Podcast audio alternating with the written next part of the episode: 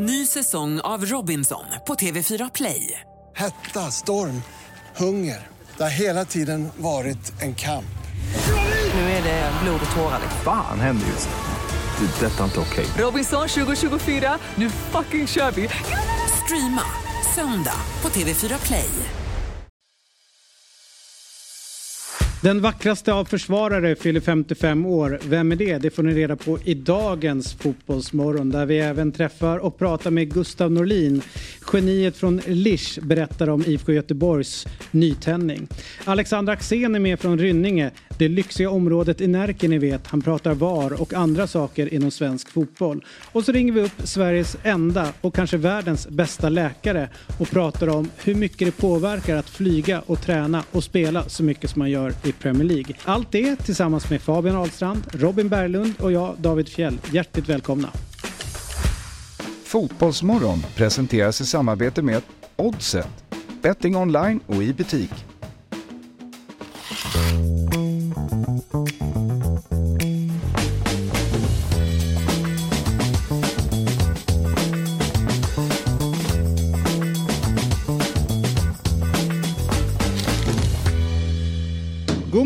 Hjärtligt välkomna ska ni vara till Fotbollsmorgon 26 juni, vecka 26. Fabian Ahlstrand, Robin Berglund och David Fjell.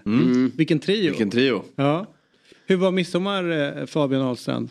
Det var bra. Det var lugnt. Ja. Väldigt lugnt. Nytt eh, personligt rekord på milen hörde jag. Exakt, på midsommarafton. Ja. Så då kan ni tänka er hur lugnt det blev. Ja. Fast det- jag- Jagad det- av lokala, lokala det. människor i Grisslehamn. nu ska han härifrån den jäveln. Jag skulle, jag jag skulle hinna på färjan. Men ja, det var, det, det, det hade jag dock velat fira. Jag var faktiskt väldigt glad efter. Ja. Det är inte mycket man får fira här i livet nu för tiden. Men 35, 37. 35, 55. 35, 55. Mm. Det är bra, eller vad säger du? Herregud vad bra. Ja. Mm. Ja, Grattis på alla sätt. Tack, tack. Nej, jag var, Men jag han missar trodde- båten. Lite missräkning där. Jag hoppade men nådde det inte. Eh, Robin, du var på Öland. Mm. Solen och vindarnas ö. Hur var det?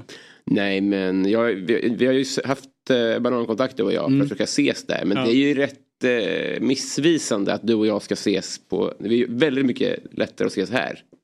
Att vi ska ses när vi är så långt ifrån varandra som möjligt. Det är ju opraktiskt. Ja. Men det sagt, utöver att jag missade dig då så hade jag det fantastiskt bra. Jag hade, tog nog någon form av bottenrekord på milen.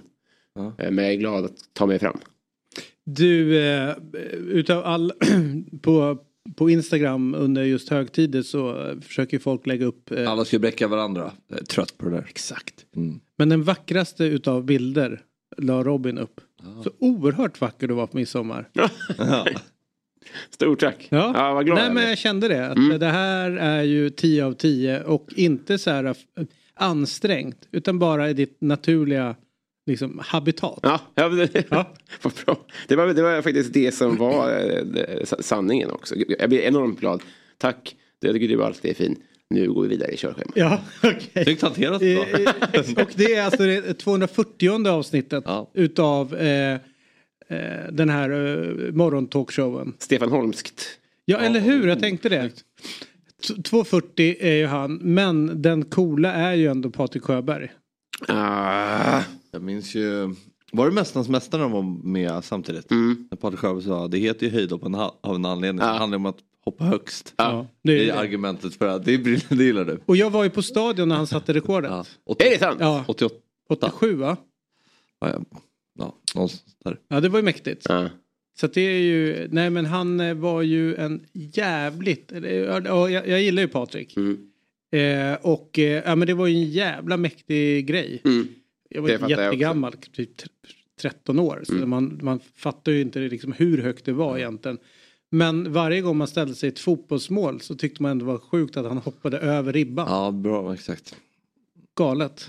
Vad, vad skulle du helst ha om du fick vara i båda sitserna? Ha liksom ett OS-guld eller hoppa? Den som hoppar högst. Ah, nej, absolut inte. Var, det är det det handlar om. Nej, det är det inte. Det är det. Ja, men det handlar ju fortfarande om vinna titlar. Eller? Precis, vinner du med 100-0 eller vinner du VM-guld Ja. så att säga. Nej men det går inte att jämföra. Nej. Han har ju han har ju ändå VM-guld. Ja, Han har ju men det, det, det är friidrotts-VM i princip nu. Men vänta, gå runt så här, ja jag vann en tävling och det, det regnade och blåste alltihopa men vad härligt vi hoppade 2,20. Okej, kul. Som du har gjort.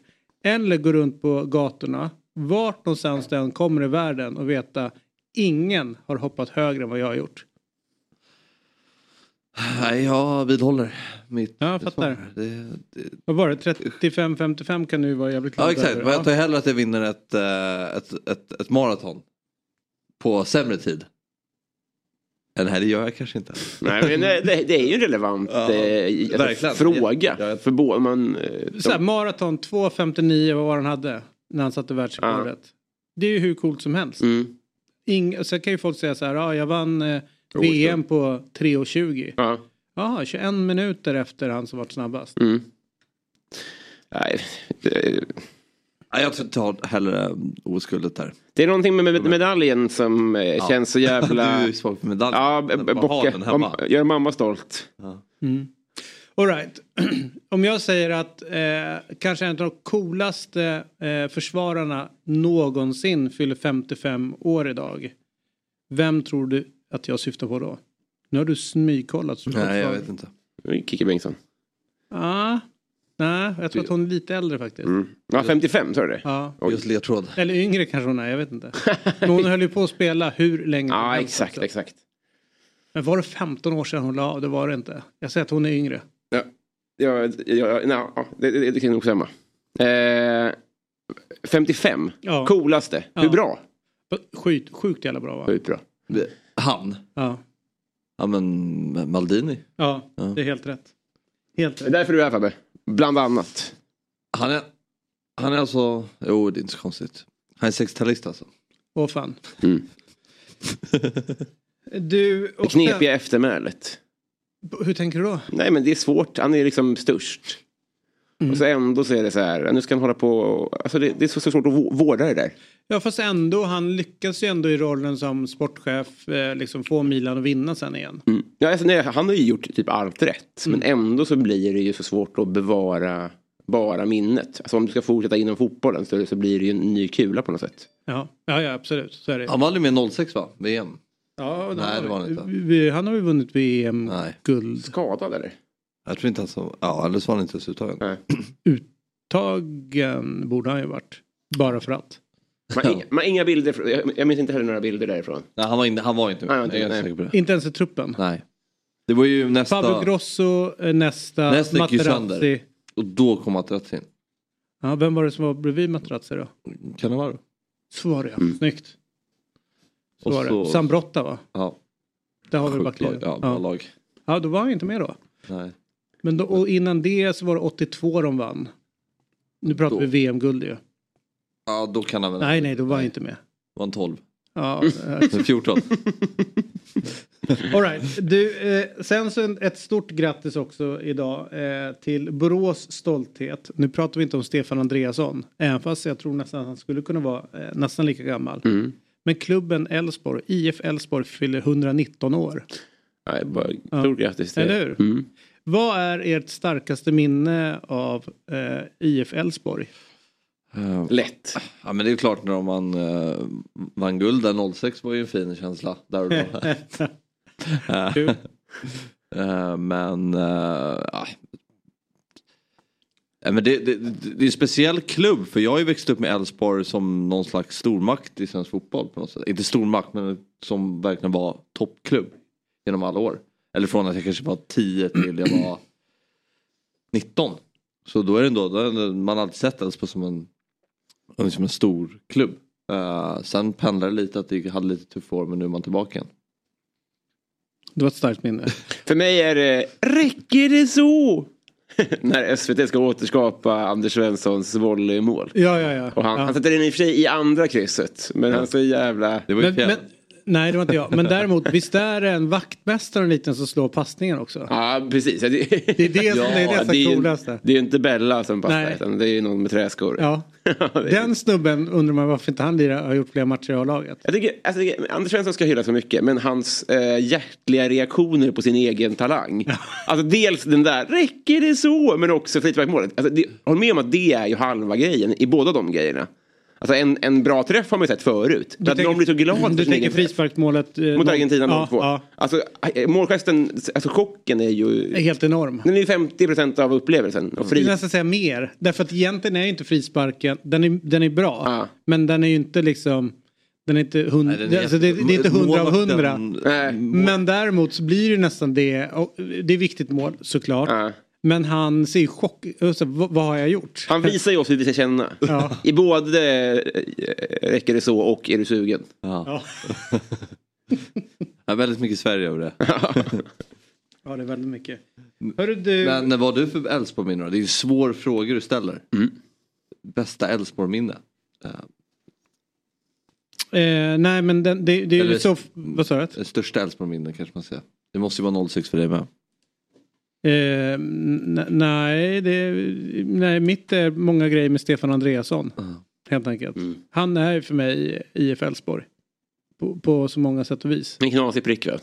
Vad sa du? Det är en knasig prick. Men både och. Dels så var, var man alltid lite in på han som fotbollsspelare. Mm. Men sen så lärde man känna honom också och då eh, liksom snacka om lager på lager. Eh, Men eh, en fantastisk eh, människa och eh, sen är det så coolt att man, eh, att man orkar hela tiden brinna så mycket för, för en förening som han gör. Mm. Så att Stefan Andreasson blir det. Bra. Sen så min svärfar höll ju på Elfsborg och min svåger håller på Elfsborg så att man har fått mycket Elfsborg liksom in i till sig. Vilket då har gjort att man börjar liksom irritera sig lite grann på när det går för bra för dem. Ja. För man vill ju liksom att en slag ska vara det som är bäst i. Mm. Ni fattar. Nio poäng på nio matcher. Den är jävligt bra.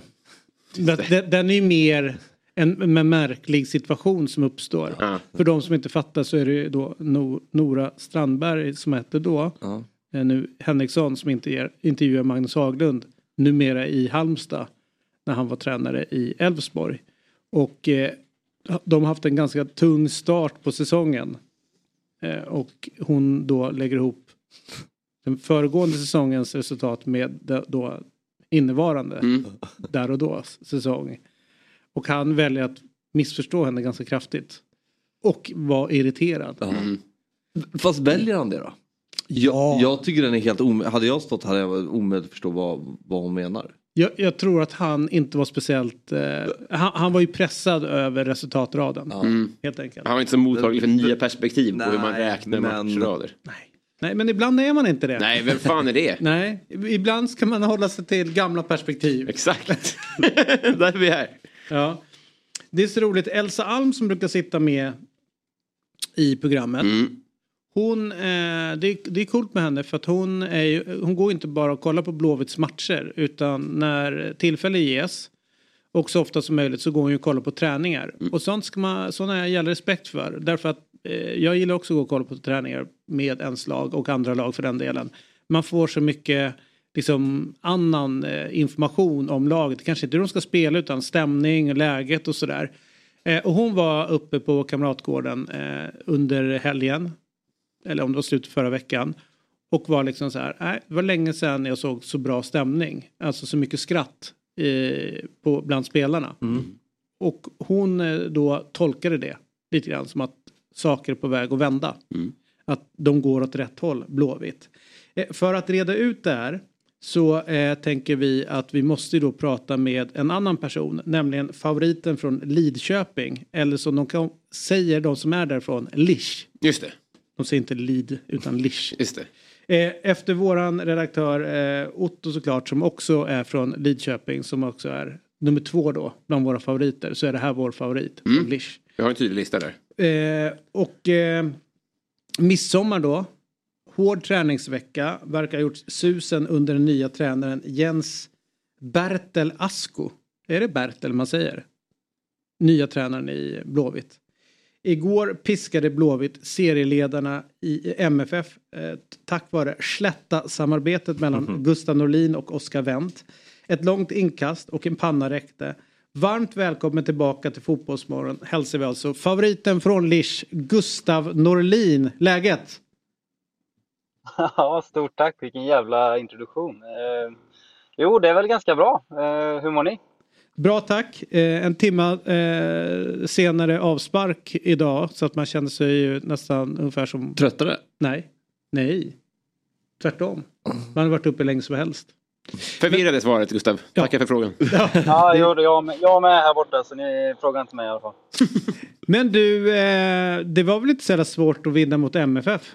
Alltid tufft att, vinna mot eh, det laget som eh, rent statistiskt är Sveriges bästa för, för tillfället. Så, nej, det, var, det var en utmaning, men man ska aldrig, aldrig liksom eh, ta undan av en vinst heller. Så det var, det var skönt att vinna. Det är inte så att det, det kryllat av vinster eh, för oss eh, i år hittills direkt. Så det var skönt. Du, eh, Elsa var ju då uppe och kollade på träning och, och, och liksom kunde då hennes okulära besiktning och när hon liksom tog på stämningen att det är någonting som har hänt, att det känns lite mer glatt, lite mer positivt. Ligger någonting i hennes observation? Ja, det tycker jag. Det är någonting vi har gnuggat på nu en hel del sen, sen Jens kommit in. Att eh, dels få, få ihop gruppen liksom och, och dra åt samma håll och mm, det tycker jag vi det, det har liksom, vi har sett eh, en, en viss utveckling på det och det, det kommer vi fortsätta göra. Eh, och det blir ju mer naturligt då att eh, vi går ut liksom och vill göra det här tillsammans. Eh, och det, det syns ju förhoppningsvis på träning men ska även synas på, på match framöver. Hur gör man för att få eh, gruppen att dra åt, åt samma håll? Pontus Wernbloom vet jag i hans podcast Hunden, katten, glassen eh, recept var ju gå ut och kröka och ta en blöt kväll tillsammans. Eh, Var det även tränarens recept? Eh, nej, inte riktigt. Sen ska jag inte säga att eh, Värnbloms sätt är fel heller kanske. Det finns väl eh, flera, nu är jag från, från Lisch som ni vet, vi, vi blir ju vidare på den, eh, den karaktären. Nej, så det, det, finns ju, det finns ju olika sätt, men vi, vi hade en jävligt trevlig, trevlig dag ute på Styrsa eh, i Casa Gustav Svensson som eh, fick ihop gruppen eh, på ett bra sätt tycker jag. Eh, så som sagt, det finns, det finns olika sätt att eh, få ihop en grupp. Hur fett hus har han där ute, Svensson?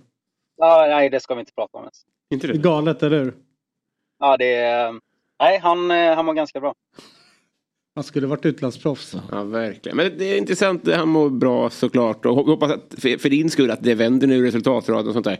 Eh, ni verkar i en resultatbransch. Vad gör det med självförtroendet och självbilden och sådär när det går så här dåligt? Vad har du märkt själv? Hur har det påverkat dig?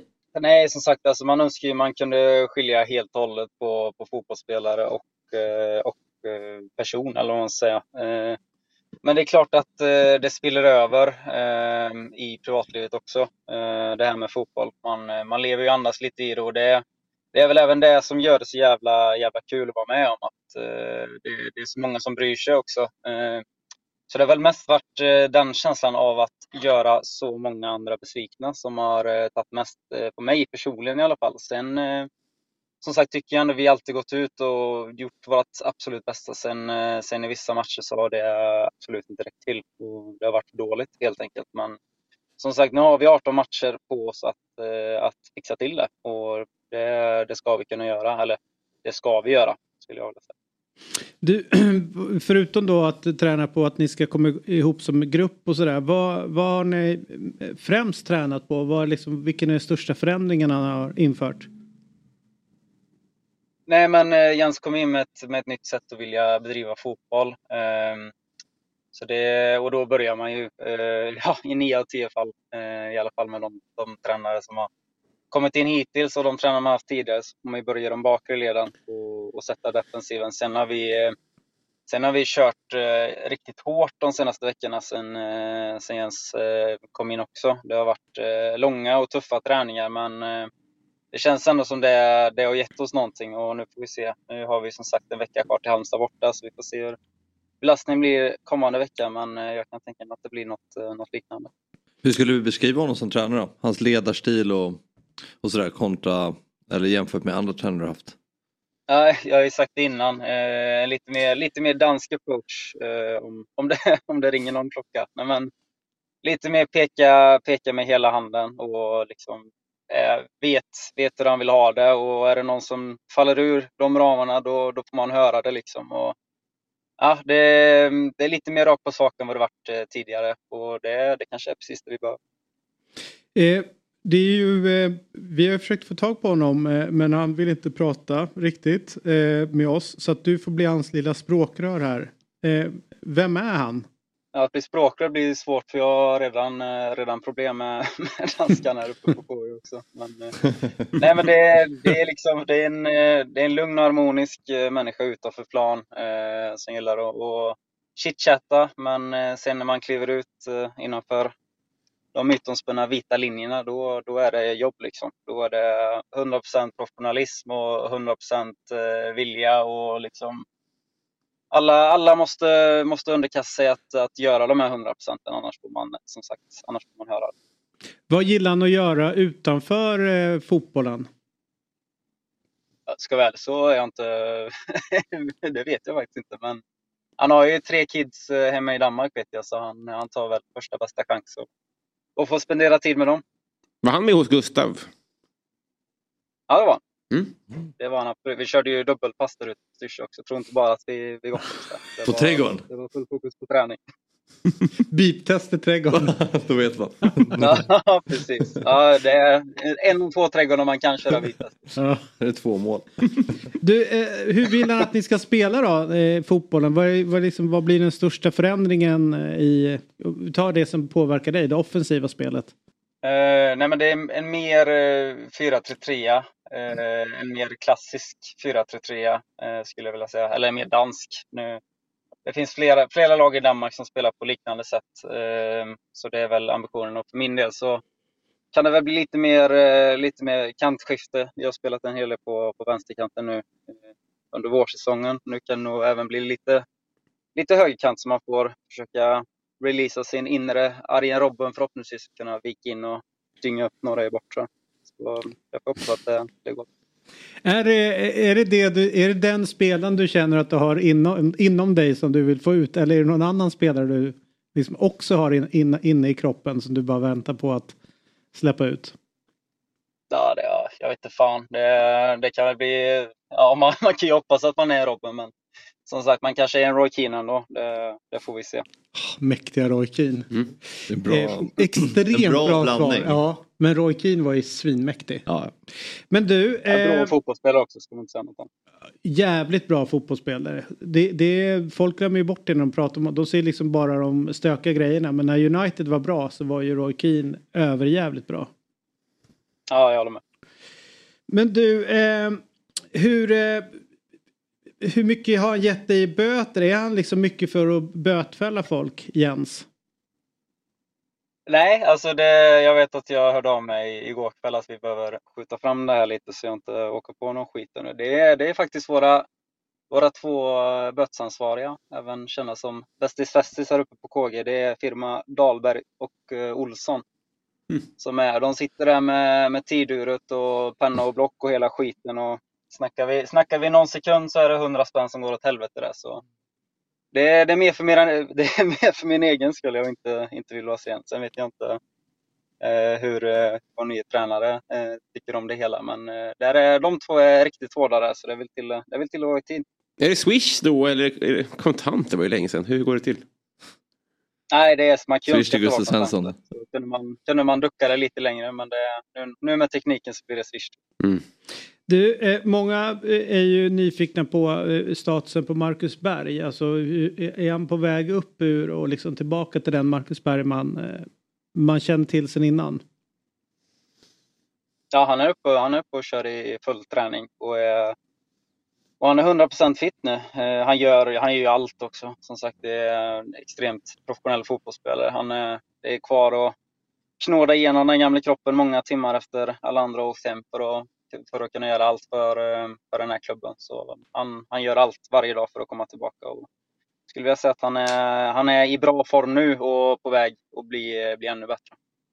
Hur- skulle ska du säga att eh, liksom själva klubben har hanterat den här eh, jobbiga starten? Alltså, som du säger, det har gjort många besvikna. Men hur har det varit på Kamratgården under den här tiden? Har, det, har, du känt, har ni känt av alla liksom att det är pressat? Liksom, från Håkan Mild till ja, men, hela vägen ner till materialarna. Alltså, hur, hur har det varit för en stor klubb att hantera det här? Nej, det är klart det är aldrig kul att hamna i en sån här situation oavsett eh, vilken storlek det är på klubben. Men eh, jag tycker ändå vi har hanterat det bra eh, utanför fotbollen. Där har vi liksom alla försökt att vara noga med att vi, vi är människor utanför, eh, utanför fotbollsplanen också. Och det vill till att bli, bli behandlad som en sådan. Sen är det klart att det är ingen som är nöjd med, med resultatet. Det är omöjligt att vara. Det är alldeles för få poäng på alldeles för många matcher och det, det är inte värdigt IFK Göteborg. Men vi har ändå försökt att vara, vara positiva hela, hela föreningen, skulle jag säga. Ehm, och, och försökt ta oss framåt tillsammans eh, via, via optimism. Och, och, när ni nu blickar mot de här 18 matcherna, har ni liksom satt något, något liksom tabellmål för er framför er eller hur, hur tänker ni? Nej, det är väl mer att stabilisera upp eh, skutan och, och hitta liksom ett stabilt spel som, som fungerar för oss. Och så får vi se, får vi se hur, långt, eh, hur långt det tar oss. Mm. Du, eh, vad härligt att du ville vara med oss den här, eh, den här morgonen. Eh, det vore rätt kul eh, tycker vi att eh, få någon bild på det här jättehuset. Så vi har någon life goal. Och böteslistan. Och böteslistan. Ja det... precis. Det är inte omöjligt att jag hamnar på böteslistan nu ändå. Just det. Går, går pengarna till Gustav Svensson eller? Ni, ni, får, ni får höra av er till min, min namne Svensson där så kan han säkert eh, lösa en liten bild. Ja, hör av dig om det är någonting med, med böter så fixar Fabbe det. Ja, jag har ansvar för många böteslistor. ja, det är bra. Ha det gott. Tusen tack för att du ville vara med den här morgonen. Eh, vår favorit från Lish. Det är det faktiskt. Ja. Topp två. Ja, tack själva. Ta hand om er. Bötesgrejen, är, jag älskar den. Ja, det är bra. Den är fantastisk. Men du, det här med danskt ledarskap som folk pratar om. Du eh, har ju spelat på hög nivå. Men jag har aldrig haft en dansk tränare. Nej, men vad, vad tänker du kring när man säger det? Att så att det danska... Kanske rakare. Kanske mer, äh, inte det här äh, så mycket. Känns som i Sverige kanske är mer att tränare kanske var en del av spelargruppen. Kanske kommer in i omklädningsrummet och så. Danska känns mer som att det kanske är, man är tränare. Inte så mycket mer än det. Privata saker eller vara en del av gruppen. Det intresserar inte den typen av tränare, danska tränare. Men jag har ingen aning. Men det... jag, gillar, jag, gillar, det här för eh, dels så sa Janne Andersson någon gång om eh, eh, det var snack om att Zlatan inte ville spela med, med under honom för att det var liksom inte Nej. tillräckligt fritt. Och så han så här, men alla spelare vill ha ramar. Eh, och du vet man ju själv, så här, fotbollslag och fotbollsspelare är ju relativt enkla varelser. Om någon säger så här, gör så här, då gör de mm. i nio fall av tio det. Mm. Att inte fler går in och liksom är så supertydliga med liksom det här är det som gäller. Ja. Men i Sverige kanske vi är lite mer så här, men hur känner du Fabbe? Skulle du vilja? Mer inkluderande eller? Nej, mer att det är lite en så här, vad tänker du? Hur skulle du vilja göra? Alltså att man lämnar för mycket ansvar och, och liksom ja. frihet till, till spelargruppen. Jag, jag tror den stora grejen här är, är språkförbistringen, att det är det som är bra med det här. Det är lite som när det kommer, när, när man ser en iransk film. Mm. Känns den jävligt svår? Och, för man måste spänna sig för att fokusera. Man måste spänna alla sinnen för att fatta. För du kan inte svenska eller, svenska eller engelska, det kan du bara du kan ha det på i bakgrunden när du fattar Danska måste du, du måste spänna hela huvudet för att lyssna för att fatta. Uh. Och då, så då tar du in informationen bättre. Så jag tror att danska tränare är som iransk film. Mm. Uh. Överraskade mig lite att han var med på Gustav Svensson aktiviteten. Precis, vad svenskt. Det, ja, det överraskade mig mm. lite att han, att han var att han var med där. Det trodde jag inte. Jag trodde det skulle vara en spelargrej. Ja. Att, att där vi tränaren lämnar. men jag är inte med, jag lämnar det till, till er. Nej. Uh, Ja men han passade ju på att köra dubbelpass där ute med honom. det var inga konstigheter. Och du kompletterade för en Ja just det. Ja det är sant. Ja. Förlåt. Ja, då, då faller det allt. Men... Står han där med en piska ute i gården. I helvete men. Det är svårt också för en dansk att i vägskälet ska jag lämna gruppen eller ska jag dricka? Alltså du vet. Ja. Eh, en bira. Ja precis. Det finns också bärs där borta. Vi, vi en elefantöl ja. till den som kommer sist. Ja, men du, så här är det. Vi ska, jag tänker så här, för vi ska alldeles strax prata med mannen från Rynninge. Mm, ja. eh, vi ska bara ta en kort break, men då kan vi haka, hålla kvar vid tanken på skillnaden mellan svenska och danska tränare. Mm. För om det är någon som har koll på det så är det Axén. Mm. För han har fan koll på det mesta och det han inte har koll på det är helt oviktigt. Så enkelt är det. Så vi är strax tillbaka.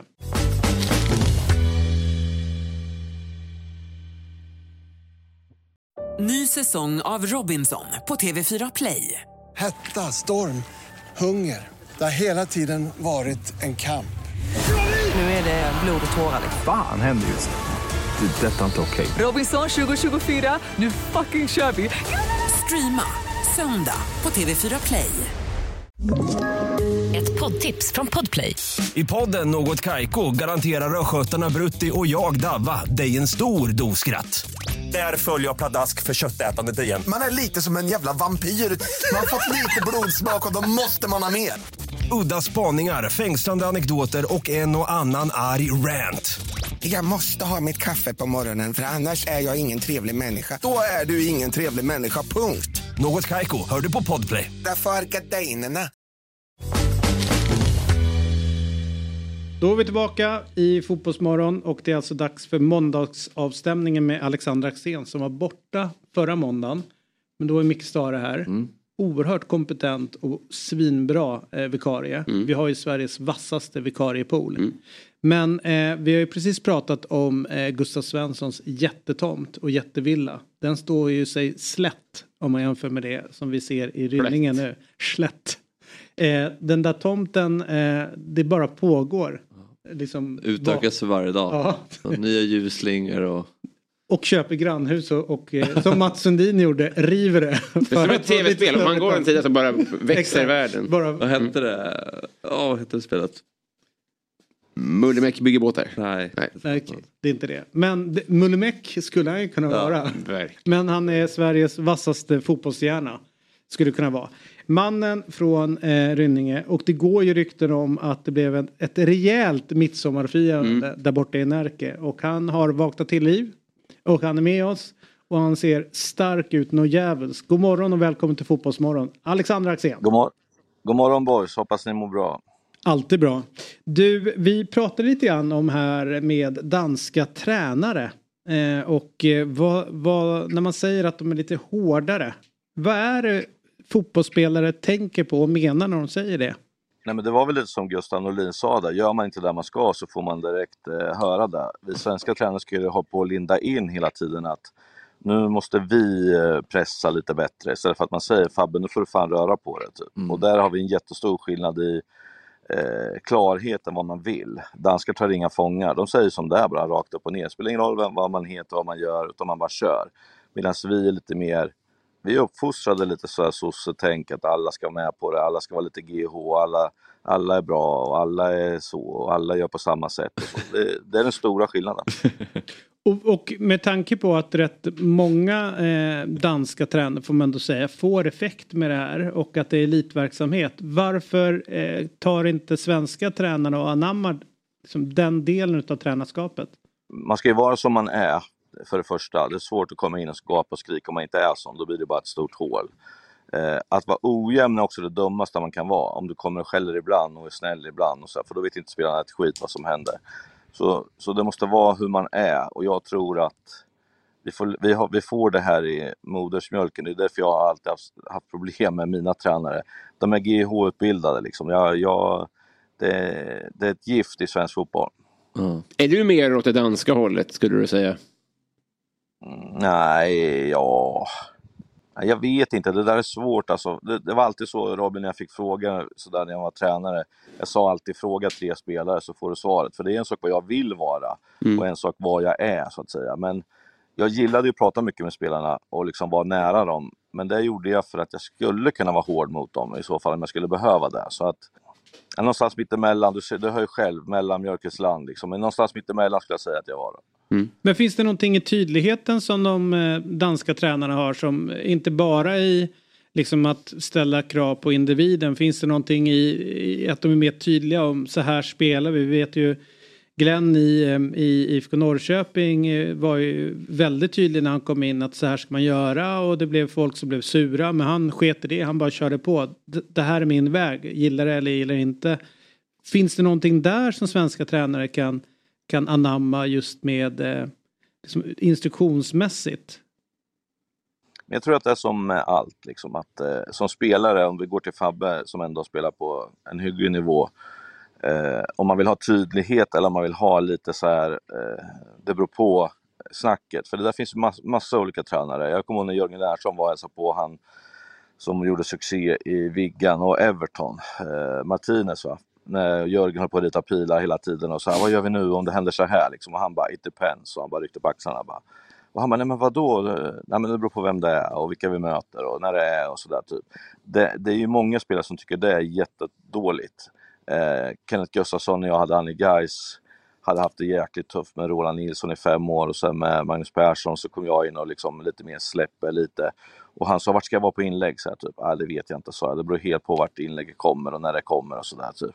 Och han bara, nej men säg, säg, säg. Han ville ha liksom väldigt tydligt för att då skulle han liksom vara där jag hade sagt. Och när jag fick jobba med honom sen och säga att det, det beror på vart din spelare är, typ. Då tyckte han att det var jättejobbigt. Så jag tror att det är väldigt olika vad en del, en del eh, spelare vill ha väldigt tydligt och andra vill ha fritt. Så, där. så att det, det där är jättesvårt att, att veta. Kan man ha det blandat? Jag vet inte. Men eh, om du har eh, spelare som eh, kan göra saker av ingenting, de blir låsta av att man ska göra, alltid göra så här. Typ. Och medan några som inte vet någonting, de blir jättedåliga om de inte får en fast punkt. Så, där. så att jag tror ju på mellanvägen är det absolut det bästa, men det är absolut det svåraste att lära ut också. Du, eh, Blåvitt eh, vinner då förvisso en träningsmatch. Jag noterar att Malmö snurrar på hela truppen i, i om det var två matcher som de spelade där. Men eh, ändå ett, eh, något form av besked från Blåvitt när de vinner mot MFF. Vad, vad, tolkar du in i det? Att man har en tro på det han gör, den nya killen och att, eh, att vinna fotbollsmatcher det är hur viktigt som helst, vare sig det är träningsmatch eller inte. Och att vinna mot Malmö borta det kommer ge dem jättemycket råg i ryggen och det här var inte bra för de här lagen runt omkring, så kan man säga. Därför att det här var precis det här Blåvitt behövde. Så att eh, har man en glädjedag på träningen och allt kommer kännas bra och så har man energi och så helt plötsligt blir det stolpe in istället för stolpe ut. Så att eh, vinna fotbollsmatcher är ju extremt viktigt och försvarsmässigt igår gör de det väldigt, väldigt mm. bra. Eh, jag, låt mig vara djävulens advokat mm. i allt detta. Eh, 2004 så var AIK i en liknande situation som de är nu. Under sommaren där så vann de just mot Blåvitt ganska stort hemma. Eh, och då sa alla så att det var exakt det här AIK behövde. Nu kommer säsongen ta fart. Men det blev en pyrrusseger på något sätt. Därför att all den här glädjen som de kände, det, det, det blev ingenting mer Nej. sen utav det. Eh, det hade nästan varit bättre om de hade torskat den, alltså fått gnugga på. nej. nej, men, men, men, alltså, så här, nej jag, jag, jag, håller med, jag håller med dig, tre poäng är jävligt viktigt. Men man lutade sig för mycket mot den segern sen efteråt. Och så här, men vi vann ju förra matchen mot mm. Blåvitt, kolla hur bra vi är. Och sen hängde det kvar ganska länge. Hur ska man nu göra för Blåvitt för att liksom på riktigt kunna kapitalisera på den här, äh, det är trots allt bara en träningsmatch, så att man inte går runt och kommer in i någon form av känsla av att det, det är lugnt nu. För att det är fortfarande bottenläge och jävligt mycket kvar att göra på de här 18 matcherna. Det finns noll chans att IFK Göteborg och AIK kommer slappna av eller tro att nu har vi hittat någon grej så nu kommer det bara rulla på. Utan de vet att de kommer få ta i ända in i bland de sista omgångarna. Så eh, det, där, eh, det där är något, ett annat läge på det sättet att man vet om det nu. Eh, AIK trodde ju 2004 att de de, de var för bra för att åka ut och där var Malmö var för bra för att åka ut. Och alla som åkte ut har alltid varit för bra. Men här vet det här, liksom, de här två lagen att vi är inte för bra för att åka ut. Så att det här var jätteviktigt att de fick en seger. Jag tyckte att det var dumt att han coachade mot eh, Sirius, för man har mycket att förlora på det. Sen så eh, var det ju de andra två som egentligen tog ut laget då kan man säga. Eh, så jag tror liksom att det var svårt för han att sätta någonting. Därför var ju den här eh, matchen otroligt viktig, att, att liksom, där man jobbar på och kör på är, är viktigt. Sen gillar jag när jag hör att de har kört jävligt hårt. Eh, det kan låta hur enkelt som helst, men tränar du hårt så får du med huvudet. Och huvudet är det som måste med i, de, i det här läget därför att det kommer vara tuffa matcher, det kommer gälla mycket. Det kommer kännas otur hela tiden som det alltid gör när det går dåligt. Man leder, tappar på slutet eller om man har ett kryss, tappar på slutet och sånt. Så måste du ändå ha en grund i allting och det, är ju, det har ju döttats för mycket med träningen. Så att hård träning eh, och sen så ett bra försvarsspel, det är ju grunden till att mm. göra någonting. Och det kan aldrig vara fel att vinna en fotbollsmatch. Eh, jag fattar hur du tänker men det är lite som när man tar upp bra spelare från juniortiden att ja men han blev ingenting men han som hade varit avbytare hela tiden, han vann. Då är det ungefär som att vi ska satsa på de som är avbytare i juniorlaget för att de ska bli någonting. Det, är ju, det blir konstigt tänkt för mig. Men, men det är ju intressant och jag var imponerad också över deras defensiva struktur igår. Och hur de försvarade men sen möter de i Halmstad då kommer det ju krävas ett annat typ av spel för att kanske vinna den matchen. Alltså det funkade igår mot Malmö för man möter ett så pass bra lag som ligger så högt ut i tabellen. Men sen mot Halmstad kanske behövs något annat också. Föra spelet. Jag är inte säker på den då Nej, Fabbe. Därför eller? att eh, det är ju det är Halmstad som är hemma, det är Halmstad som ska vinna, det är de som ska göra någonting. Eh, och det vet du också att det är inte deras styrka. Liksom. Så om Blåvitt är kalla bara, om Blåvitt är kalla bara och låter dem få komma och så, här, så kommer lägena komma. Men inte börja tro nu att ja, så här spelar vi mot de bra lagen, sen ska vi spela champagne mot de lite sämre lagen. För då kommer de inte vända. Utan spela samma sätt alla 18 matcher som är kvar, säger jag, är extremt viktigt. Annars har den största snacksen under helgen har ju varit eh, intervjun som Fredrik Reinfeldt har gett till SVT. I huvudet på eh, Fredrik Reinfeldt tror jag de eh, vinitterade det hela. Eh, och eh, han eh, säger då citat, jag får väl stå för det, jag tror det är vår framtid, alltså om VAR. Det som kanske sticker ut mest är väl hur han benämner klubbarna och medlemmarna, alltså några få supportrar eh, som då tycker och tänker. Hur ser du på hela, hela Reinfeldt-intervjun och hans sätt kanske att tolka eh, de eh, besluten som klubbar har tagit på årsmöten? Att jag tror att han, precis som jag, eh, springer på folk bakom kulisserna. eh, Ledare, spelare, tränare, styrelsefolk. Eh, som alla säger att vi behöver VAR. Men som man inte vågar säga för att man är rädd för supporterna som skriker att man inte ska ha VAR. Fast Eh, supportrarna här man är medlemmar som har röstat på årsmöten så det blir lite, man måste hålla sä- sära, sära på äpplen och päron. Ja fast det är ändå de som bestämmer ju, det var det jag sa. Men Mm. alla andra vill ha det men inte dina medlemmar. Och du vet själv att du kan inte gå ut och kritisera medlemmarna för det är de som på något sätt äger den här föreningen. Men skulle de gå ut och säga så som de säger till oss bredvid, då skulle det bli ett jävla liv. Det vet de ju om spelarna och ledarna så därför skulle de ju aldrig göra det. Men, eh, men jag vet ju bara vad alla säger som är runt mig. Eh, och, och det är väl det jag tror att han bygger sitt resonemang på. Eh, men annars har jag ingen aning vad han tänker och tycker. Typ. Men jag tror att, att det måste finnas mer än att han bara står där och gissar att folk vill ha det. För det är inte så det sägs till mig i alla fall. Nej, vi, och de då, ja, det är så konstigt eh, om, i, min värld då, så att om det är årsmötesbeslut och medlemmar som säger någonting och att företrädare sen för de klubbarna går runt och säger någonting annat så då måste man väl nästan inte vara fit and proper för att ha det jobbet. Ja. Tänker jag. Men, Alltså, man, måste vara, man måste vara lojal mot det beslutet ens klubb men, har men, men det, är väl och- inte, det är väl inte att klubben eh, eller att medlemmar röstar för att införa ett VAR. Det är väl att för att klubben ska verka för att inte införa VAR. Är det väl? Ja, men det är ju samma sak att man ska rösta nej till eh, Ja. så fort det dyker upp. Men jag menar Men det är att inte- om, om man sitter på ett mandat Jo, eh, i en styrelse eller en förbundsstyrelse. Förbundsstyrelsen är ju, alltså SVFF gör, upp, utgörs ju utav klubbarna. Det, är Ja. liksom ingen, det är ju ingen egen ö som, ska, som vandrar ö, ovanför eller svävar ovanför allting annat utan deras maktbas den bygger ju på alla klubbar, alla föreningar. Mm. Och om stora klubbar likt MFF eller Djurgården eller AIK och så vidare säger att eh, och, eh, vad är det, 16 utav eh, klubbarna i, i elitklubbarna har Ja, sagt 32. nej av 32 har sagt nej till eh, och däribland de största eh, så har sagt nej till VAR. Det, det, Det är väl inte konstigt. Då, vad säger du? att? Det är inte konstigt att de stora säger nej. Hur tänker du nu? Ja, det är inte så att de får jättemycket domslut emot sig direkt. Nej men... eh, Ni fick ju alltid med om när du var tränare. Så, Så är det. gör det bra. Nej, men det, det jag menar det är är, o, oavsett vad och varför några säger nej på årsmöten så är det ju där som föreningsdemokratin och den tycker jag man så fall ska respektera. Den skulle kunna sagt om det var Ja. mer. Det är ju så här att som det är nu så är det många klubbar som är emot VAR och det, det är liksom det han har att förhålla sig till. Men- alltså det- på sätt. Men klubbarna liksom- kanske inte är där David. Utan det är, det ju supportrarna som är där. Men nu är det... Och det är det som det här blir skillnad. Supporterna, du kan inte göra skillnaden därför klubbarna är dess medlemmar. Det är ju det som är grejen. Du kan inte Jo, göra jag, den, jag, fatt, du, jag fattar du kan inte vad du göra den, säger. du Men, kan inte göra den men de som, skillnaden. jobbar, de som jobbar i det, spelare, ledare, tränare Mm. och kanske styrelse, tycker att det här går inte. Vi Nej, måste men, ha VAR. och det här blir ohederligt därför att de Ja, sitter på men då säger mandat från... tvärtom. Då säger jag de- tvärtom. Om, om AIK nu till exempel skulle säga att vi vill ha VAR, kommer du sluta hålla på dem då? Absolut inte. Jag, jag, I så fall respekterar jag den linje som majoriteten i klubben har valt. Men just nu har majoriteten i klubben sagt nej. Ja, men är är det... majoriteten? Vet du att det är majoriteten? Det är majoritet, ja, Eller, det är väl bara kolla, att, det är bara kolla på eller är det att de årsmötet. stora supportergrupperna går ut och säger att så här är det? Och du vet ju själv hur det brukar funka Men, men så där kan man inte resonera därför att här, om folk brinner för frågan och är medlemmar så går man dit och röstar.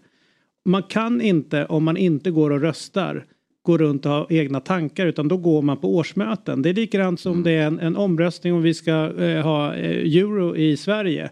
Så kan du inte gå runt och säga så här, de där jävlarna som röstade ja. ja. Men gick du och röstade själv? Nej det gjorde jag inte. Men det är för jävligt.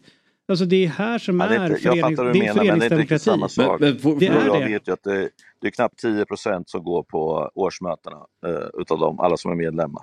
Det har ju alltid varit så, det är så.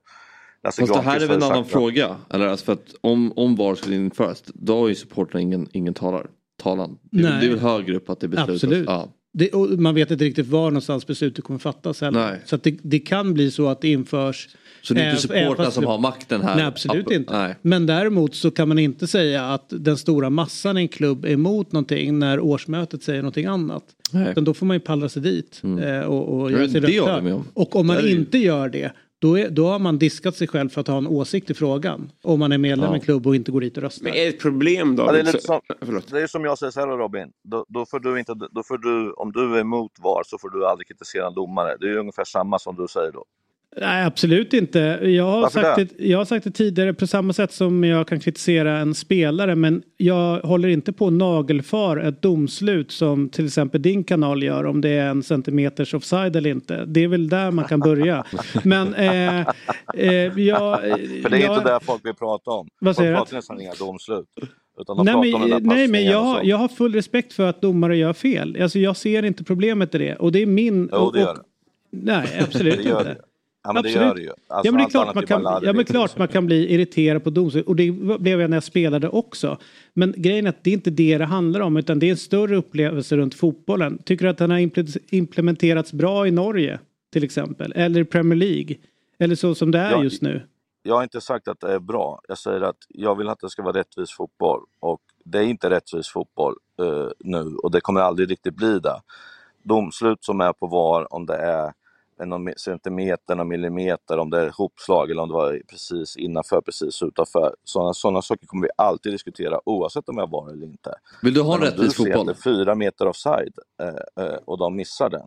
Det kan man ju aldrig diskutera. Det är klart att det är fel. Då måste Mm. man ju få säga det. Och kan man Absolut. få bort det så är det jättebra. Tycker jag. Vill, Men- vill du ha en rättvis fotboll? Vad sa du? Vill du ha en rättvis fotboll? Det är klart att alla vill ha rättvis fotboll. Sen vad det betyder, ja det vet jag inte. Eh, man, man kan säga så här, det är många som gnäller på Juventus att de fick alla domslut och allting. Så man införde VAR i Italien så inte, inte, har inte Juve vunnit en enda gång.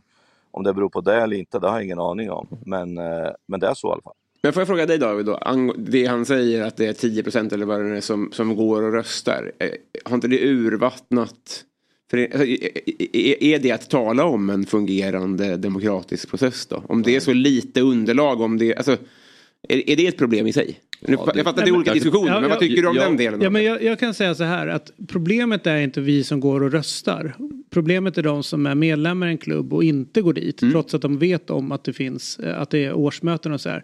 Men det här kommer ju biter fotbollsrörelsen i arslet själva för att under väldigt, väldigt många år så var det ett gäng gubbar som var rätt nöjda med att folk inte kom på årsmötena för då kunde de styra och ställa fotbollen bäst de ville. Så att klubbarna liksom under väldigt, väldigt många år gjorde allt i sin makt för att så få som möjligt kom på årsmötena. För då kunde de få igenom sina gubbar som satt i styrelserna och styra klubbarna som de ville. Så att någonstans så handlar det också om att eh, liksom ändra liksom synen på vad ett årsmöte är. Jag tycker till exempel att det viktigaste och det största och finaste under ett år är en klubbs årsmöte där man träffas. Sen kan klubbarna göra mycket mer runt årsmötet. Göra det runt som en happening att man får träffas, ja, exakt, träffa spelare, sina idoler och allt möjligt. Likt en matchupplevelse på något sätt. Så att klubbarna har lite grann att göra med att få dit folk. Men det är ungefär som att kolla på ett riksdagsval. Vi har jättehög eh, närvaro här men det är vi ligger på 80 procent någonting som går och röstar. Mm. Alltså det är klart i en perfekt värld så är vi på 90 procent som går och pallras iväg och röstar. I EU-val är det ännu lägre men vi går inte runt och säger så här det här EU-valet betyder ingenting för att vi är nere på 60 procent som går och röstar. Nej, man kan säga att det är, Alltså, för dåligt, här- det är för dåligt att folk inte går och röstar. Ja absolut, Mm. men då får man ju fråga de som inte går dit. Här är ju två stycken som går och röstar. Nej, jag frågar Alltså, inte dig nej, varför nej. röstar du. Jag Nej, frågar nej, vad jag tycker du om att det är så dåligt underlag? Jag tycker, jag tycker att de som inte går och röstar, de är skitdåliga ägare utav klubbarna. Mm. Och de, eh, de gör ju att sådana här diskussioner, trots att det då är, eh, folk gör sin eh, plikt och går och röstar på årsmöten, också rösta fram representanter som ordförande och sådana saker. Det här är ju en liten grej Mm. liksom under ett årsmöte. Det är ju fastställa så att man ansvarsfrihet, ansvarsfrihet och allt möjligt som är runt en förening. Men de som inte går och röstar, de är ju en skam för klubben. Att inte, här då. inte går Ja. iväg till årsmötet. 100 procent har du helt rätt. 100 procent. Men man kan också lösa det mycket enklare genom kanske bank-id. Eh, man har årsmötet över datorn så att alla kan vara där oavsett ålder, oavsett eh, vart man bor i landet. Och där ska allting. informera dig om att till exempel den klubben som jag håller på senaste mötena har varit hybridmöten där du antingen kan sitta hemma och rösta och du loggar in och det Ja, är varit det? Ja. Okej. Så, eller så kan Jo, det vara på plats. Det så att det är både och där. Liksom. Så att det, finns liksom inget, det finns inget försvar längre att folk inte tar sig dit. Det, nu senast var det två stycken, någon i Belgien och någon annanstans, om det var i USA, som satt med på årsmötet via BankID, alltså inlogg. Så att det finns inget liksom, försvar längre att man inte tar sig eh, tiden att vara med på, på ett lags eller en förenings årsmöte. Nej. Men skitsamma, eh, jag, eh, det är väl viktigt att man går från 93 procents rätt till 96-97 procent. De här 4 procenten känns jätteviktigt för upplevelsen för vissa.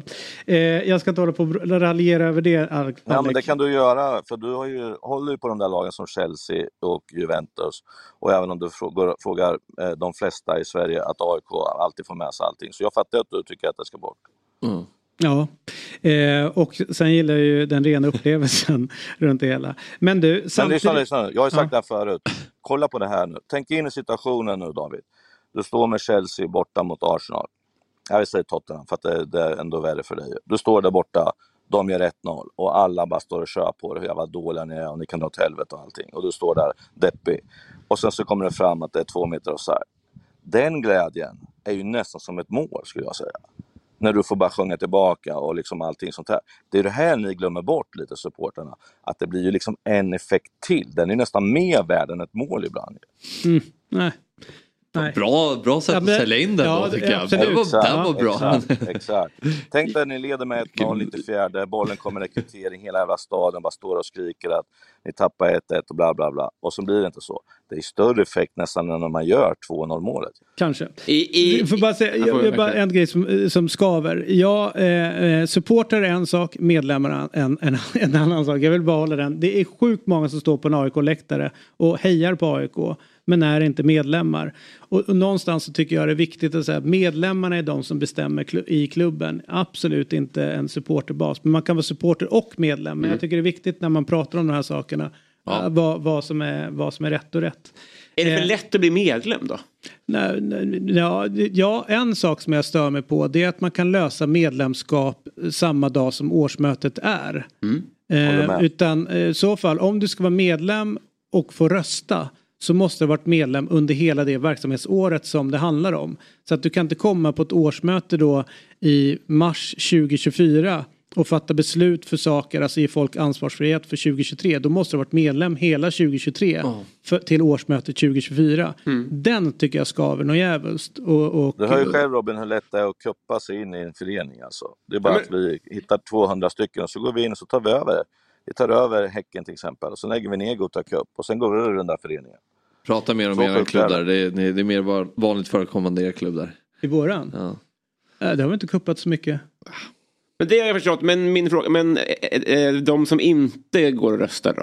Är det lättja bara? Att man, har, man ska hämta ungarna då? Eller vad är det? Ja, det ska jag säga. Och Ja. att eh, sen är det roligaste, många som sitter och, och liksom tycker och tänker och pratar om föreningar och så, de är inte ens medlemmar. Nej, nej, nej. Alltså nej. vet så, de borde göra så, köp den, gör det och så vidare. Ja, men det gör ju Men ingenting. sen är det som du säger Robin, Robin, det är också så att man vet inte vad ett årsmöte är. Alltså, kan jag verkligen påverka? Man tänker att man är medlem, sen bryr man sig inte om det liksom. Men att Men det är precis som David säger, det är massor med saker du kan vara med och påverka. Men det vet inte de om, för de vet inte hur det fungerar. De har aldrig varit på ett årsmöte. De vet inte att din röst betyder någonting eller om du har en motion mot någonting. Jag menar, när jag tränade Gais då var det ju varje år att, att alla ville att Gais skulle ha svarta byxor. Du vet. Mm. Och så var det alltid någon äldre gubbe som bara du, har ni sett en makrill med svart buk någon gång? Och så satt han så, så var det slut liksom. Men den var varje, varje årsmöte så var den frågan, svarta byxor, svarta byxor. Och liksom, de skulle liksom nöta ut det där på något sätt. Liksom. Och jag, jag tror att folk vet inte vad det innebär att vara på ett eh, årsmöte eller att vara medlem, utan man är där bara för att man tänker att man ja, stödmedlem så att säga. Mm. Att man, pengarna kommer in och man hjälper till, så, men man vet inte vad det betyder. Liksom. Alltså nu kommer idiotfrågan står som spön i backen här. Om man kö- köper årskort, ingår det medlemskap? Nej, det gör det inte. Du måste liksom aktivt söka upp och så här, Ja. jag reggar mig som medlem nu. Ja. Och så vet folk inte. Nej. Men er, jag, när jag gick i högstadiet, då stod en massa ungdomspartiförbund Mhm. och var så här, hej vill du ha ett nyckelband? Och man bara, ja det är ju, det är ju kanon, kan ju hänga mobilen i. Och så var man medlem i eh, Centerns ungdomsförbund då. Och alla gjorde samma sak, det här säger inget om Centern, alla var likadana. Är det så inom fotbollen också att de, här, de, de vill skryta om många medlemmar, att de värvar bara skit som helst? Är det det som är problemet också? Nej, jag tror att de, är, de skryter mer om antal sålda årskort eh, och Ja. publiksiffror än eh, medlemmar. Djurgården vet jag har varit väldigt noga med antalet medlemmar och jag tror väl att det är Sveriges största klubb eh, sett till antal medlemmar. Eh, men det är inte många som procentuellt sett så ännu då färre som går och röstar på årsmötet. Borde du skryta om procent istället? Ja men någonstans eh, hur många som går på årsmötena. Ja. Men, men jag ska säga så här, när alla säger kuppar, en av de finaste upplevelserna som man hade eh, runt, eh, runt AIK då, det var ju när de var tvungna att byta till Solnahallen för att det var så många som var på det årsmötet.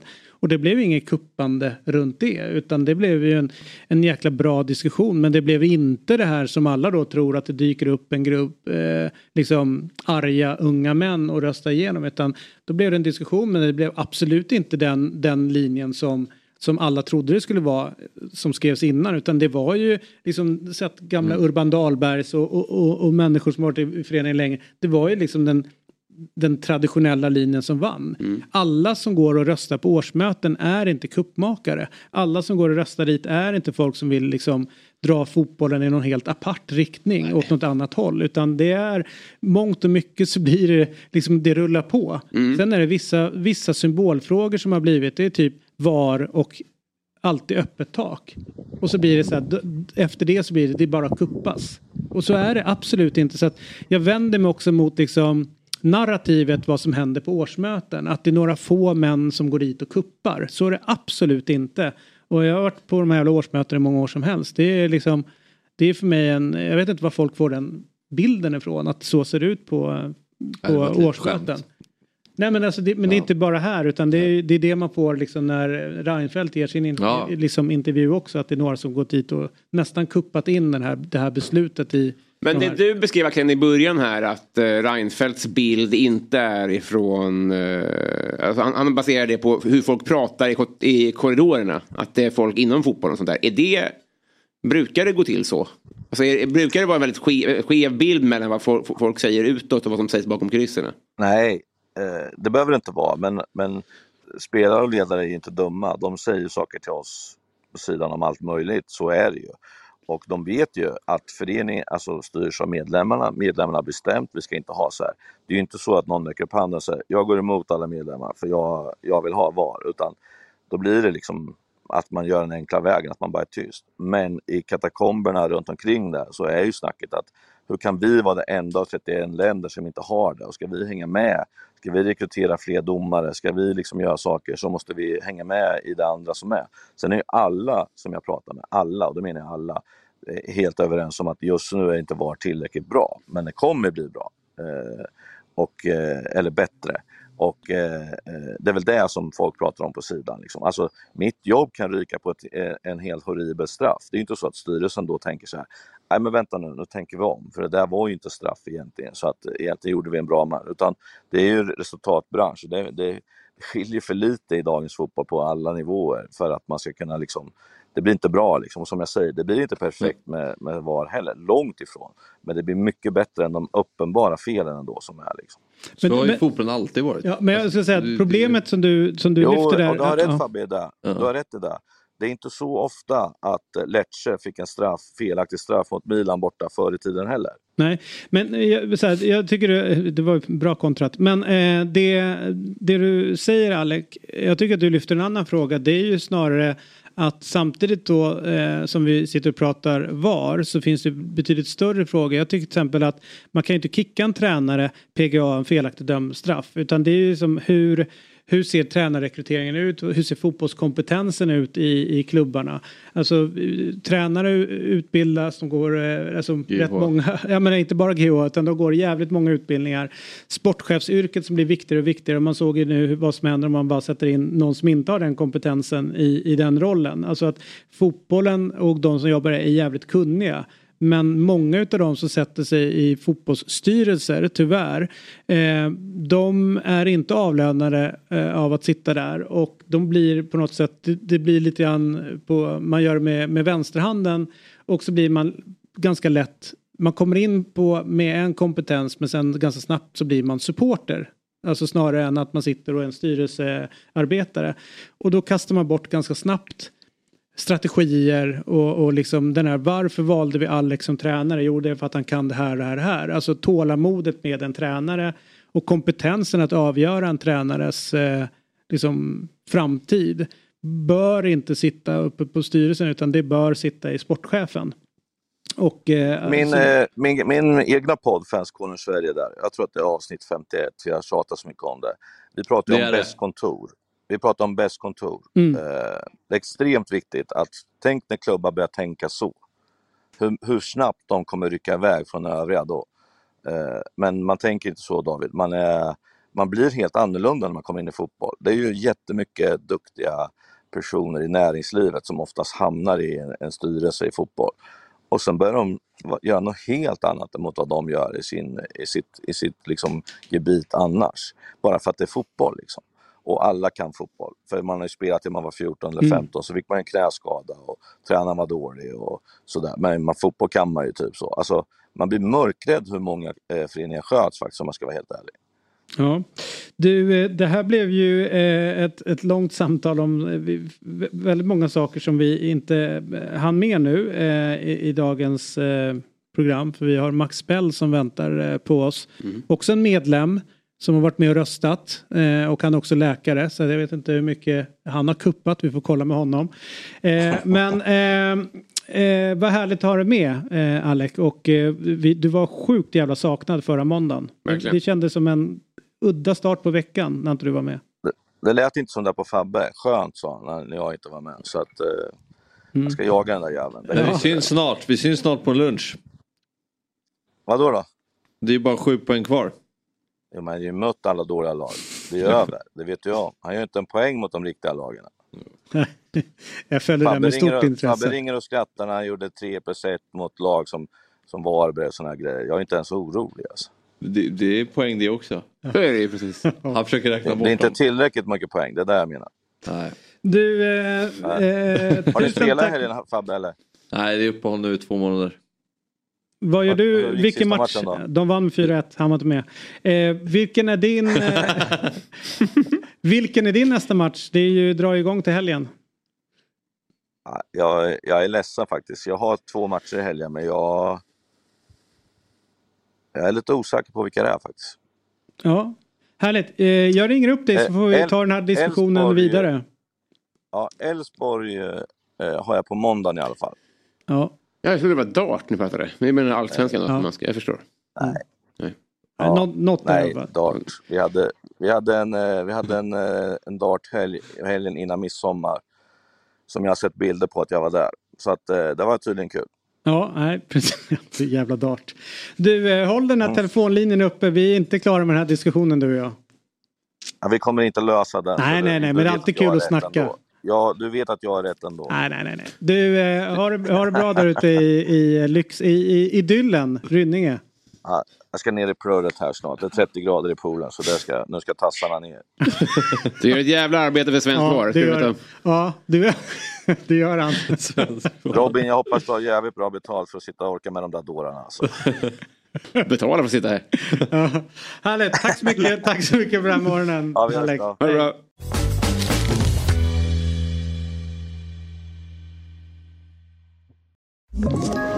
Ett poddtips från Podplay.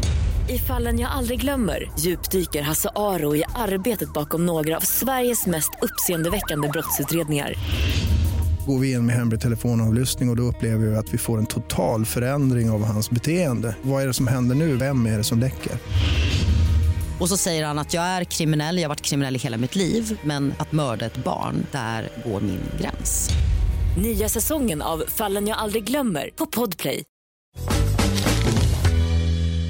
Vi behåller eh, lurarna därför att eh, vi har vår nästa gäst med oss. Det är Max Bell.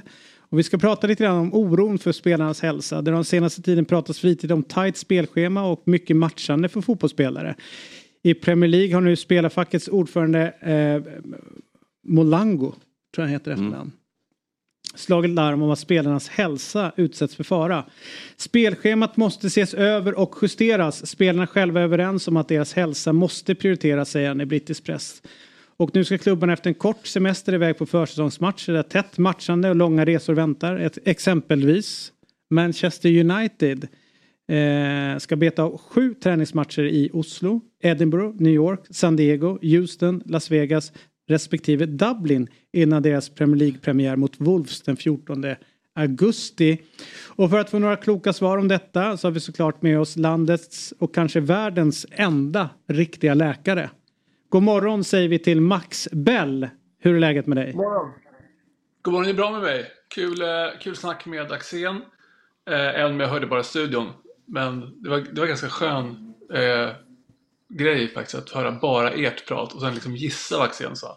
Ja. Eh, han är, ja, just det. Nej men eh, vilken fråga det här är som de lyfter PFA. Jag tycker det är skitsvårt faktiskt för att liksom eh, för, för några gånger sedan när jag var med hos er så eh, kom Axel Insulander tror jag var in på någon slags fråga där jag, där jag informerade honom om att det han beskrev var kapitalismen. Och ibland tänker jag att det är samma sak här lite grann. Det här är ju liksom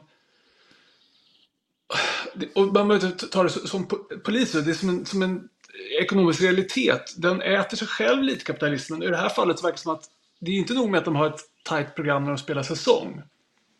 Tre matcher i veckan, liksom massa kupper framförallt för Premier League-spelarna som har dubbla kupper. Men, men att de nu på försäsongen kör sådana här riktiga monsterpass liksom med både Norge och Irland och USA. Det låter ju, det är tufft såklart. Det är ju eh, vad klubbarna vill. Hur mycket sliter det på en eh, kropp med, med just eh, det här resandet och tidsomställning? Jag har faktiskt inget riktigt så superbra svar. Jag brukar vara duktig på att liksom leta upp evidens, men det, det här är liksom inte riktigt beforskat faktiskt. Alltså att så här, eh, alla säger ju klokt och det är kommensensical att ins, liksom även när så här allsvenska klubbar spelar. Axén kan typ säga, fast jag vet inte om hans klubb har varit mycket i Europa, men resandet är lika jobbigt som själva tävlingen. Eh, och eh, man vet ju själv när man åker långt att man blir trött. Liksom. Man, man blir trött av att resa även om man åker åtta timmar tåg. Så blir man liksom lite konstigt trött av resan. En del hävdar att det är vibrationerna och att det är någon slags evolutionär grej att vi triggas av vibrationer. Men också tidsomställning är jobbigt och bara att sitta still i ett flygplan är jobbigt. Jag tror att det är supertufft för spelarna.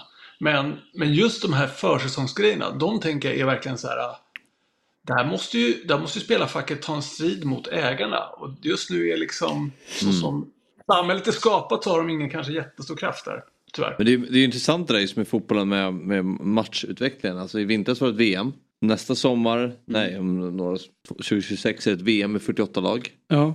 Och till sommaren så är det väl 24 så är det, Ja, det EM. var, ja exakt, och det är ju ökat. Alltså hur mycket fler matcher ändå blir och hur mycket de liksom, det bara ökar för varje år som går känns som.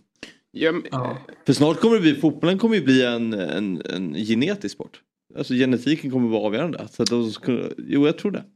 alltså Men inte bara det. Jag, så- jag vet inte, förlåt du ska få komma in också eh, Robin. Men Fabio, jag tänker också att det är så här att en annan tråkig grej med det här superhårda matchandet så som jag ser det är att klubbar som har väldigt stor eh, kassa så här, rika klubbar, nu för tiden Saudiägda klubbar och Qatarägda, de kommer kunna ha en så bred bänk att de kan, eller så djup bänk, eh, att de kan fixa det. Medan Mm. klubbar som är liksom lite mindre och inte har riktigt samma death and bread in their squad kommer lida. Och det tycker jag är synd också. Ja. vuxna de spelar människor- inte lika många matcher heller kanske men en, ja, verkligen. Nej, precis, precis. Ja, men vuxna människor säger ofta så här att barn idag har inte tråkigt. Att på min tid då lekte vi med Barkbåtar. kottar och Ja. båtar och sånt där. Och att det skulle vara någonting dåligt då för att, men jag tror bara att det handlar om avundsjuka på min tid. Min, min känsla är lite med det här också att så här, bara för att det var färre matcher innan så är det sämre. Alltså, alltså spelarna blir ju, de spelar med 39 nu istället för 29. Av någon Mm. anledning så, så går ju den kurvan uppåt också. De håller ju mycket längre.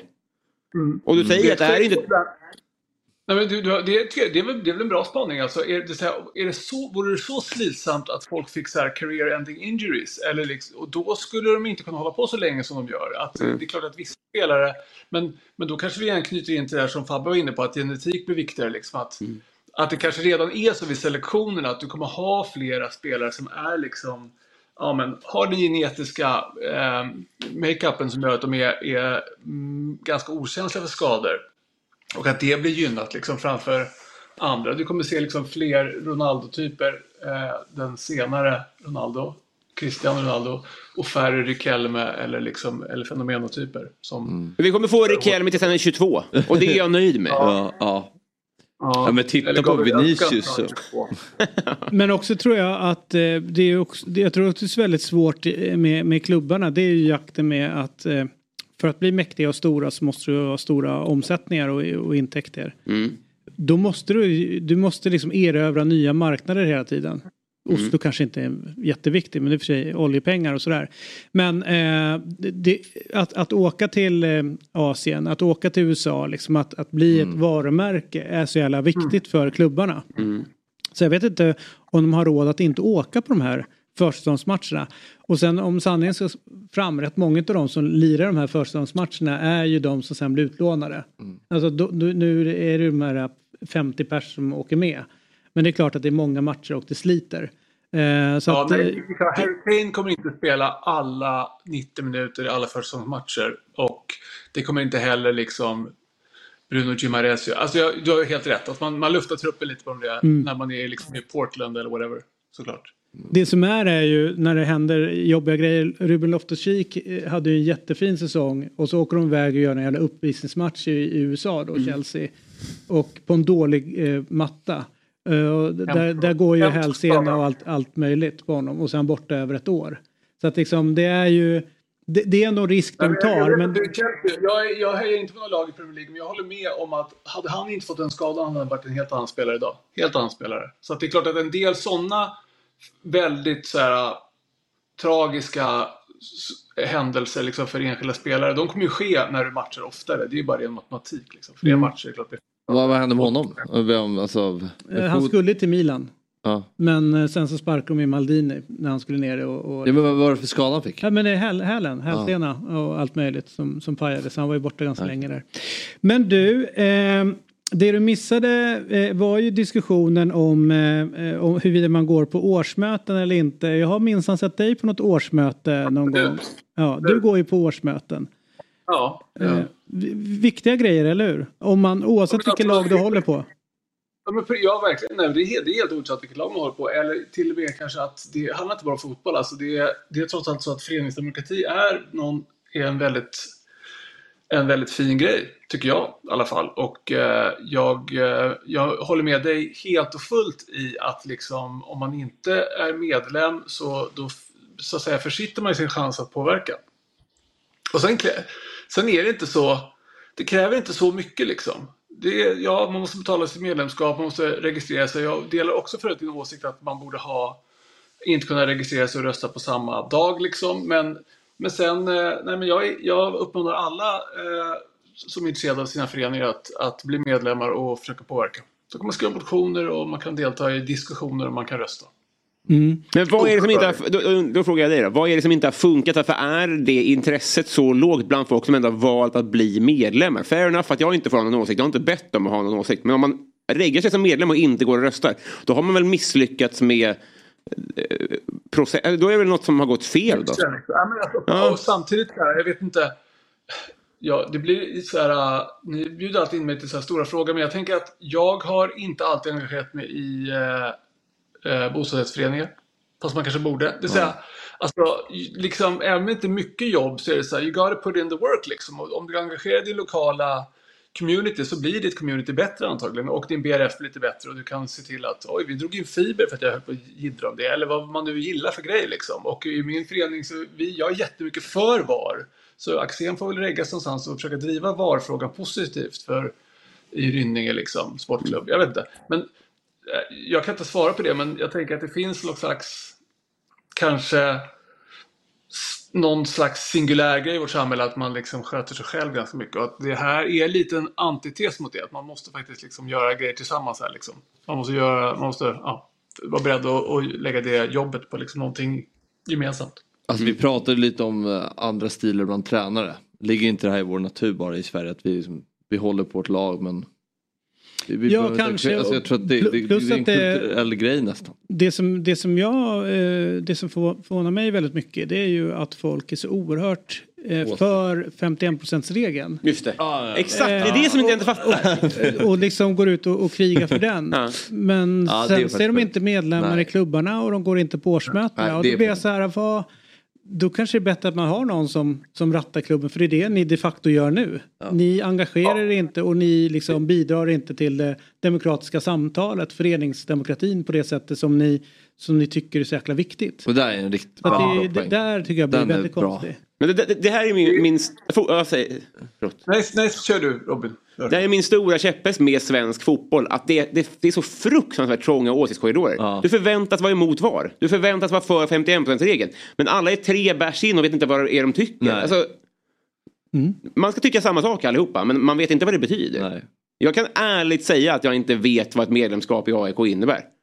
Alltså, jag, jag, jag, det är lugnt. Därför jag inte... Passar det nu? ja, nej, men det är lugnt. Därför, därför jag inte skriver under på... jag- Det står inte AIK i min Twitter-bio. Jag ger mig inte in där. Nej. Nej.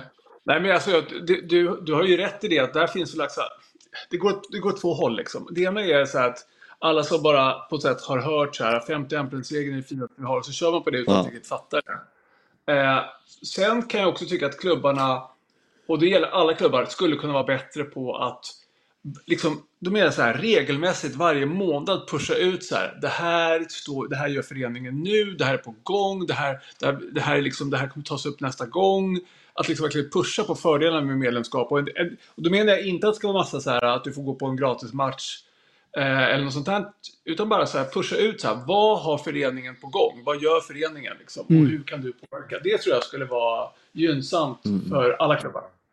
Absolut, och som vi sa tidigare att li- verkligen eh, förstå att när man har årsmötet är årets viktigaste dag. Ja, och liksom jobbar bra. upp det till ett evenemang, precis som du är inne på. Alltså om du kan få eh, Schalke. representantlagens liksom båda, båda trupper är där. Du kan få information från sportchefer, tränare. Eh, du kanske har en underhållning som är där. Att du gör någonting mer. Ja, mellan- mer, mer än bara komma dit. Ja, det är inskrivning eh, en halvtimme innan det börjar så sitter någon och bockar av så går man in och sätter sig. Ja. Alltså det, att, att anstränga sig lite grann mer. Att se årsmötet som en, eh, ungefär lika mycket kärlek som du lägger på ett matcharrangemang. Det Ja, måste liksom, de ju det var börja lika göra. fint som, som premiären. I alla fall för AIK eh, har det ju verkligen varit så i många år att premiären har varit ett jättestort event. Och det är för massa klubbar såklart. Men liksom AIK, det är så här, både premiärträning och premiär har varit så här. Supportrar har varit grymma på att göra det och klubben gör det till ett stort event. Årsmötet borde vara samma sak. Verkligen. Mm. Men som sagt var, du och jag går ju och röstar så vi får ju, eh, vi har ju tolkningsföreträde här. vad gäller, vad gäller. Som sagt Däremot- var blir det avsnittnamnet för övrigt. Ja det blir det ju. Mm. Men jag ska säga det att eh, det är inte bara, jag var ju emot eh, eh, årsmötesbeslutet apropå att alltid ha öppet tak. Eh, utan jag, jag tyckte ju att det är upp till tränarna och spelarna att avgöra om taket ska vara öppet eller stängt. Sen så är jag ju per definition emot eh, eh, liksom inomhusfotboll eh, när det är som eh, så. Fan vad skönt det är när man kommer in på arenan och det är minus fyra så är det plus 15. Exakt, men, men, det, men nu eh, apropå som Alex då sa, hade du då så hade det svängt. Ja, jag måste ju Mm. acceptera det här att eh, i AIK så spelar de med taket öppet. Och jag, det, är liksom, det var ingen kulle jag skulle dö på. Mm. Men jag tyckte liksom att det är fel att vi sitter på ett årsmöte och bestämmer vad som är bäst förutsättningar. Om vi, om vi då har möjlighet att göra Sportslig grej, det. Jag håller med om det. Men, men, men hej, det här är fina liksom. Man kan tycka olika och en del tycker inte. Kanske den sportsliga är fullt ut. Och jag, jag, jag I salute it. Ja, men med det sagt, efter det så backar jag det och säger så här, vi spelar med öppet tak. Och då går man ut och säger, vad tycker du? Det är skitsamma. Vi tycker att det är så här vi ska Ja. göra. Mm. Och det, sen är det skitsamma vad jag i, i sak tyckte där och då. Mm. Nu har jag liksom förlikat mig med tanken på att det är minus fyra ute och det är minus fyra när jag går och sätter mig på matchen. Det är, liksom, det, det är ingen skillnad eh, någonstans. Så Det är att demokrati. Ja. Istället för att ha jävla fyrverkerier och knattedisco på, eh, på eh, premiären för att folk ska rösta så borde ni skicka ut lappar eller så. Lämna min klubb om du inte röstar. Mm. Istället öka procenten som väljer att rösta istället för att få folk att bli medlemmar. Tycker jag. Ja, eller så, jag, jag vet inte om det var så för några år sedan men när man köper årskort eller när man köper biljett till matcherna att man får också, vill du även bli medlem? Alltså du vet... eh, Jag minns- jag minns inte jag Jag är ständig medlem så jag liksom släppte Ja, ja, sen- ja, jag också, så att jag vet inte hur det Men är. jag, jag, jag har inte koll. Det är en bra fråga faktiskt. Det kanske är så att det... Det borde i alla fall vara så att man får någon slags push. Liksom. Tänker jag igen. Alla klubbar från Allsvenskan till Superettan har någon sån grej liksom när, när folk köper årskort. Det verkar rimligt. För då, det är i alla fall en selektion av väldigt intresserade personer som köper årskort. De borde ju få en propå. Jag tänker som Robin att eller så här, jag, kanske delvis. Jag tycker man både borde öka antalet medlemmar och försöka öka de medlemmar som finns, deras närvaro liksom. Bägge Mm. grejerna. Det vore bra. Så är det. Härligt. Eh, det blev ju eh, bra surr återigen med, med Sveriges, Jag kanske världens... er, Nu är jag med så ofta hos er. Så att borde jag som Alex skaffa en sån här äh, ring? Jag tror han har det va? Ett, sta, ett stativ. Ja. Ja, Visst har han kanske. det? Känns jobbigt det du gör. Vi, vi måste skicka ut det Det är, till inte, det, dig. är inte ett dugg jobbigt. det är inte ett dugg jobbigt. Men, men jag var nyligen, som ni vet, på annan ort. Och då var det, och eh, shoutout till världens bästa Christian Kapelin. God bless her, som är liksom lite chef där, där jag var, hade stipendie. Visst är hon fantastisk? O- Otrolig människa. Älskar Ja. henne. Ja, Jag har ja. kula för henne. Alltså. Ja, ja, ja. ja. Vi pratade mycket Maradona hon och jag, för att hon har träffat eh, Maradona massa gånger. Ja. Eh, ja, otrolig person. Men, Jag är- jag är kär i henne på riktigt. De andra stipendiaterna var så här, vad pratar ni om? Vi pratar om calcio, förstår ni väl? Ja. Mm. Men hon hade, hon var med så här, nu ska jag iväg och vara med i SVT lite. Och då hade hon en så här snygg ring liksom med Ja. ljus och en hållare. Och jag tänker att jag är nästan där. Mm. Ja, Kan men, de sponsra med en sån till mig? Och Absolut. Om jag, om jag får det, då är det samtidigt så att jag kan inte, då, då är mitt liv över. Då är, det är för pinsamt, jag kan inte ta emot den. Så att, skicka inte en sån. vi, vi gör det mer än gärna. Men du säger nej och då, eh, då tar jag det på orden. Ja, nej, nej tack. Vi skickar ett kamerateam. Ja, vi skickar hit... Ja, det är eh, bättre. Ja. Axel står där. Men du, vad härligt eh, också att vi kunde landa i vår gemensamma kärlek till Kristina Kapelin. Det är ju världens eh, mest underbara människa. Så är det faktiskt. Alltså, alla kategorier. Eh, du, eh, nu tappar jag nästan tråden här. Men eh, hur som helst, tusen tack denna morgon till eh, Sveriges enda eh, läkare. Världens bästa läkare, Max Bell. En av dem. Ja, vink, Dig vink, måste man besöka någon dag. Ja, ja, jag håller borta från hans, när han jobbar ska vi inte träffa honom. Nej. Nej, så är det. Härligt. mig på fritiden. Vi ses. Ha en bra, bra dag. Hej. Du med. Hej då. Jävlar vilka trevliga människor vi har haft med. vilken- vilken Eller. Allt ifrån eh, geniet från Lish. Mm.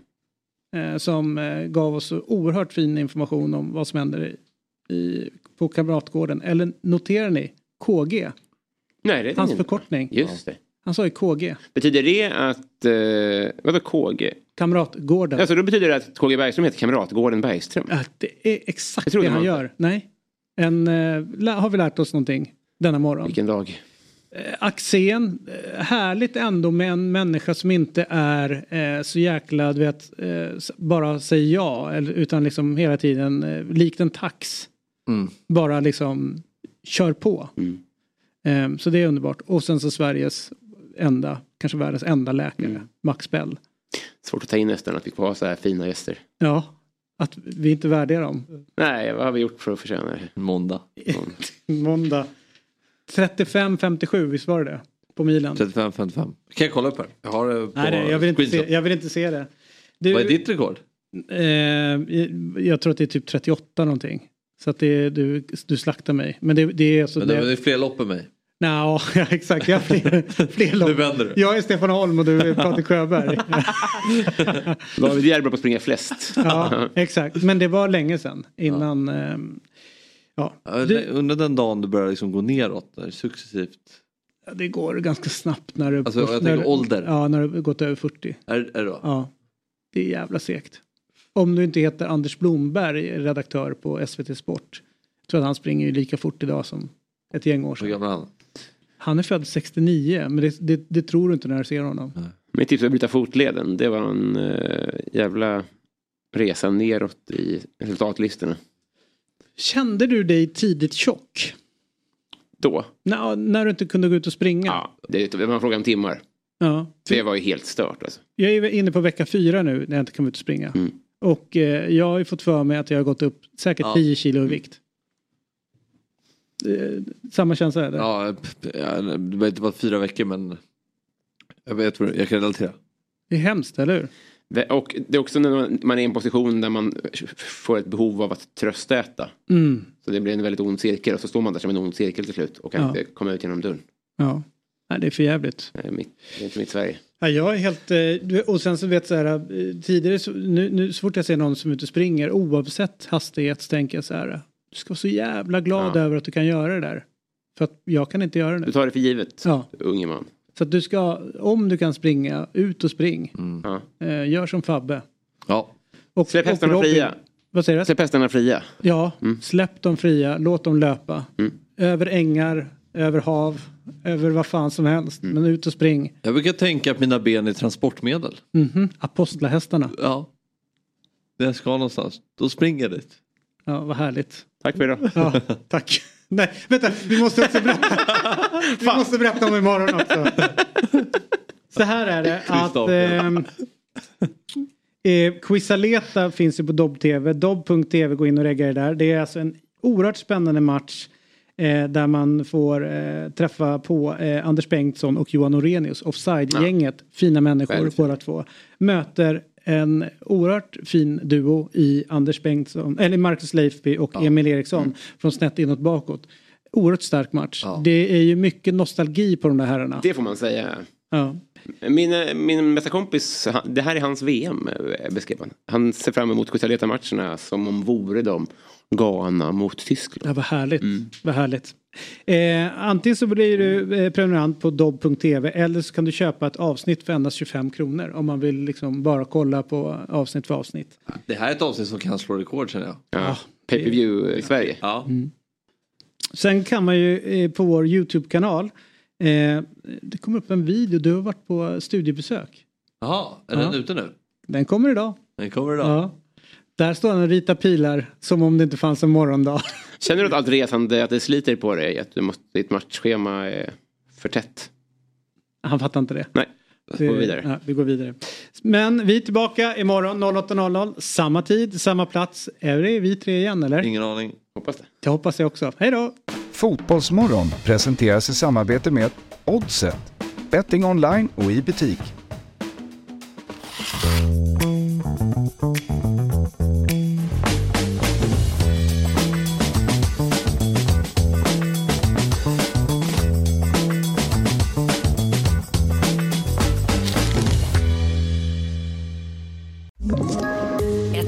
Poddtips från Podplay. I fallen jag aldrig glömmer djupdyker Hasse Aro i arbetet bakom några av Sveriges mest uppseendeväckande brottsutredningar. Går vi in med hemlig telefonavlyssning och, och då upplever vi att vi får en total förändring av hans beteende. Vad är det som händer nu? Vem är det som läcker? Och så säger han att jag är kriminell, jag har varit kriminell i hela mitt liv men att mörda ett barn, där går min gräns.